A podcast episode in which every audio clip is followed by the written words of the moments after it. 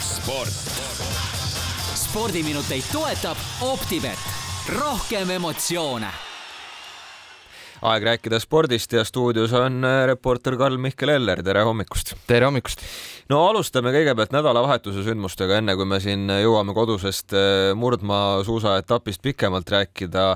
Sebastian Ogier, mees, kes põhimõtteliselt ei peaks olema esimesel kohal, aga ikka on, hoolimata sellest, et ta põhimõtteliselt isegi ei võistle. jah, see on päris nagu selline huvitav, huvitavalt kokku pandud asi jah, et ega noh, Ogier iseenesest jällegi ju iga ralli, kus ta stardis on, on selge, et ta on võidufavoriit, hoolimata sellest, mis stardipositsioon tal on. ja noh, sõidetav auto on ka, Toyota ikkagi võiduauto on, aga jah, Mehhiko rallil niisugune huvitav asi juhtus, et eh, kolm MM-etappi on sõidetud, Ogier on startinud kolmest rallist ainult kahel ja on ikkagi sarja liider et äh, ja siis kohe hakkasid muidugi jutud uuesti pihta ja need on peaaegu iga ralli lõpus hakanud, et noh, kas nüüd siis ikkagi sõidab terve hooaja kaasa, et ikkagi võidelda tiitli eest. tema ütles sellele, et noh, kindlasti mitte, aga samas, kui sa vaatad praegu, kuidas see seis kõik siin välja näeb, siis noh, jätab veel mõne etapi vahele ja ehk teoorias ikkagi võitleb veel tiitli nimel, noh, eks see on muidugi vähetõenäoline. aga jah, Ott Tänakul ja Martin Järval muidugi Mehhiko teadagi läks noh, aia taha pehmelt öeldes, punkte saadi vähe ja järgmisele etapile minnakse siis starti neljandalt kohalt, aga jällegi vahed õnneks seal punktitabelis ei ole, ei ole teab mis suured, sellepärast et Ogier on viiskümmend kuus punkti liidrina ja Tänakul nelikümmend seitse punkti neljandal kohal, nii et vahe on üheksa punkti, nii et eh, kui nüüd Fordi mehed siin järele jäänud kuu ja natuke peale ikkagi kõvasti või M-spordi mehed täpsemalt seda Fordiga putitavad, et siis ma usun, et, et siin saab ikkagi võidu sõita küll. kuidas selle ise iseenesest on, et kui ta seal poole hooaja peal on ka kuskil esikolmikus või esimesel kohal päris, et kas ta siis võib otsustada, et no teeks ikka kogu hooaja ära ja äkki paneks ikkagi võidu kotti. no tehniliselt on see võimalik ja ma usungi, et kui see võib-olla juhtub sellises faasis, mitte nüüd praegu märtsis, vaid ma ei tea, siin septembris, augustis, et võib-olla ta siis midagi otsustab, aga no ta on ikkagi väga kindlalt andnud mõista, et tema oma kaheksale tiitlile nagu lisa ei otsi ja noh, kui ta oleks üheksas, siis oleks sama palju tiitleid, kui on lööbil ja no ütled siis, et mina ei lähe kümnendat püüdma, et noh, see on, ma arvan, et hoiab iseennast natuke tagasi võib-olla, et seda, seda olukorda ei tekikski.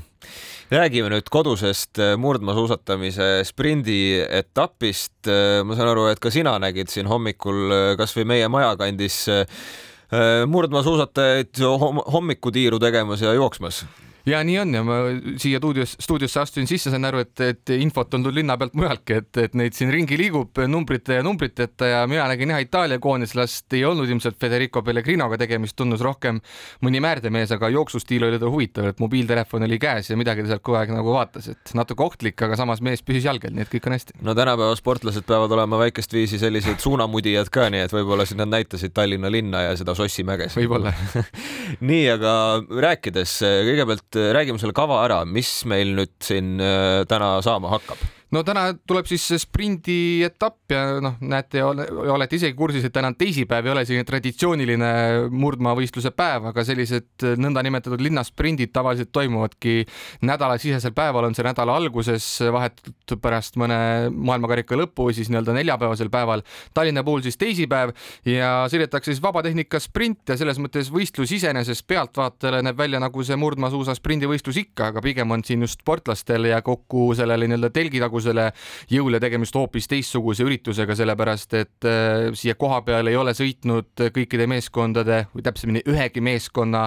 määrdeautod või määrde sellised bussid ja noh, seetõttu on see ka nii-öelda rahaliselt kokku hoitakse raha nii meeskonnad ise kui ka tegelikult korraldaja jaoks, aga on siis selline suur või isegi kaks suurt telki pandud lauluväljakule püsti, kus all siis kõik need määrdemehed õlg-õla kõrval seal tegutsevad, et kui siin äh, eelnevatel aastatel kõik ikkagi vaikselt omaette pimendatud akende akendega ruumis või siis bussis, et keegi jumala eest ei näeks, mis segusid tehakse, siis nüüd on kõik nagu avalik ja ka need määrded on kõigile täpselt samasugused, lõpuks jääb lihtsalt sõitjal teha mingisugune valik kahe suusa vahel, kas ma võtan selle või teise, aga ei tohiks tekkida olukord, et ma ei tea, norrakate suusk läheb nüüd nii hästi, et mehed ise ei pea tõukama või keppidega, suusk sõidab ise ja eestlastel või, või soomlastel on kehvasti, et see peaks olema väga võrdne võistlus vähemasti selles aspektis, aga noh, eks nagu me teame, meeste konkurentsis norralased tulevad siia väga kõva jõuguga kohale, on juba tulnud, Johannes Johannes Tingnes-Pöö või Johannes Tingnes-Pöö, meil on Kläbo teine Johannes, Kläbo on see, kes siia tuleb paugutama, nii et eh, no norrakate võitumiselt väärata on siin raske, aga no mine tea, soomlased on ka öelnud, et see rada sobib neile hästi. kas see määrdebusside nii-öelda ärakaotamine on puhtalt äh, selline pragmaatiline põhjus, et siia lihtsalt ei mahu need või mis see nii-öelda tagakäik seal on? kõige lihtsam tagakäik on ilmselt see logistika, et just nädalavahetusel oldi Norras, sportlased tulid siia lennukitega tšauh kohale, need bussid nii kiiresti ei liigu ja nädalavahetusel toimub juba ka viimane etapp lahti, siis bussid lähevadki siis Norrast otse sinna ja siis vahelepõige siia oli, oli see variant ja kui sellest ehm, lauluväljaku etapist hakati juba rääkima, et noh, see või noh, tegelikult just etapp oli kindel, aga oli küsimus, mismoodi see täpsemalt toimub, siis oligi kaks varianti laual, et kas tehakse täiesti uutmoodi, sest see on ikkagi revolutsiooniline nõndanimetatud määrde revolutsioon, nagu on öeldud, et neid busse ei ole kohal ja on siis nii-öelda mehed ja õppinud ristad, et tuleb nendega asjad ära teha. ja no eks ma arvan, see on nagu õppimiskoht, no eeskätt just nimelt sellele rahvusvahelisele suusaliidule ka, et kui siin nüüd on näha, et on olukord võrdsem, raha hoitakse ikkagi kõvasti kokku, et siis miks mitte sellistel linnasprintidel, mida ikkagi maailmakarika hooajal on selline üks-kaks, vahest ka kolm ikkagi sõidetakse, et seal võikski asi hakata niimoodi välja nägema, et noh, lauluväljakul ju veel on ruumi, aga need linnasprindid, mis on siin näiteks Düsseldorfi kesklinnas, et seal ikka no reaalselt pole ruumi, et, et siis tulebki kuskilt see kokkuhoid teha, et just nimelt ruumi mõttes, et kus sa need bussid paned. et, et võib-olla see tõesti saab ühel hetkel nagu selliseks reegliks, aga eks no ma ei tea, kuidas määrdemehed sellesse suhtuvad, et võib-olla hakatakse vaatama, et läheb selliseks töö nagu lihtsamaks, et palju me neid mehi siin palgal hoiame, et eks see on jällegi selline muutuv maailm, et eks me näeme, kuidas see muutuma hakkab, aga määrdemehed ise ütlevad, et meie töö on ikkagi väga tähtis ja kindlasti on ka, et seda on ju ka kõik medalivõitjad, ükskõik on see sprint või, või distantsisõit öelnud, et ega määrdemeheta ei oleks seda, seda kulda või, või medalit tulnud. nojah, kunagi ka neid busse ei olnud, nüüd siis jälle ei ole. kellele me täna peaksime kindlasti silma peal hoidma, kes on need võidusoosikud ja mis on eestlaste šansid? no Aivar Rehemaa Eesti koondise peatreener ütles ikkagi, et eh, noh, eestlased võiks saada veerandfinaali, eks ta ütles seda väga umbmääraselt, ei tahtnud öelda, et kaks-kolm või üks, aga, aga noh, lootus säilib, aga see rada tegelikult on ikka päris, päris raske, et eh, kui nüüd visuaalselt vaadata seda lauluväljakut, siis ta toimub seal nii-öelda selle nõlva peal, ring on ainult seitsesada viiskümmend meetrit, aga ringi läbitakse kaks korda ja siin on ka targemad mehed välja otsinud, et selle ringi või üldse kogu selle raja raskusaste on karmim, kui oli plaanid MM-il. eks see isegi üks C-kategooria tõus ja tõusumeetrid või nii-öelda kõrguste vahe vist ühel ringil on kakskümmend viis meetrit, nii et see on ikkagi päris korralik ja ja siin ka korraldajad on öelnud, et sellist puhast puhkamist ühe ringi peal umbes kolm sekundit. et ikkagi tuleb eh, täisgaasil kogu aeg lasta, nii et eh, no loodame, et kodupubliku toel eestlased ikkagi no veerandfinaali, finaali ikkagi võiks ju saada, et eh, noh, siis nii-öelda finaalsõitudesse, kohasõitudesse, kaugele sealt edasi, eks näitab aeg, aga, aga no ma ikkagi usun, et ega ilmselt norralased on terve see hooaeg meeste seas näidanud võimu ja ja Rootsi naised siis naiste konkurentsis, nii et ehk väga suuri üllatusi ei tule, aga vähemasti nii-öelda finaalsõitudesse võiks ikkagi me siin eh, nii-öelda mm, põnevust jääda. no nii nagu tänasele päevale kohaselt läks nüüd suur eh, hulk ajast sellele murdmaasuusatamise sprindietapile, aga kiirelt veel eh, jalgpallikoondis alustab varsti EM-valiksarja ja enne on ka üks sõpruskohtumine plaanis. ja Eesti alustab EM-valiksarja tõepoolest ja siis juba eile lennati Budapesti, kus siis neljapäeval kohtutakse Ungariga maavõistlusmängus ja sealt edasi sõidetakse Austriasse Lintsi, kus siis järgmisel esmaspäeval lähebki lahti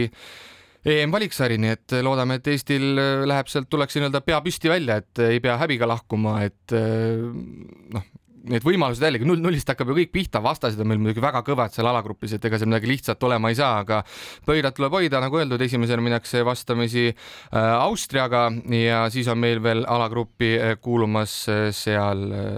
Belgia isegi, kui ma ei eksi, Rootsi, Rootsi, Aserbaidžaan, noh, nii et on midagi hammustada, aga, aga vaatame. kiirelt äh euro, Euroliiga korvpallist ka, kes on favoriidid, mis mängud on? ja täna on Euroliiga korvpalliga asi lihtne, üks mäng toimub äh, Istanbuli Fenerbahce kohtub Milano olümpiaga ja Optibeti koefitsiendid sellised, et Fenerbahce'l üks koma kolmkümmend viis, Milano olümpial kolm koma üheksateist, nii et ega suhteliselt favoriit on selge Fenerbahce hooaeg on ka tegelikult läinud üpriski hästi, nii et vaatame, kuidas see mäng välja näeb. Karl-Mihkel Eller, suur tänu ja reedeni! Sport. Spordiminuteid toetab Optibet, rohkem emotsioone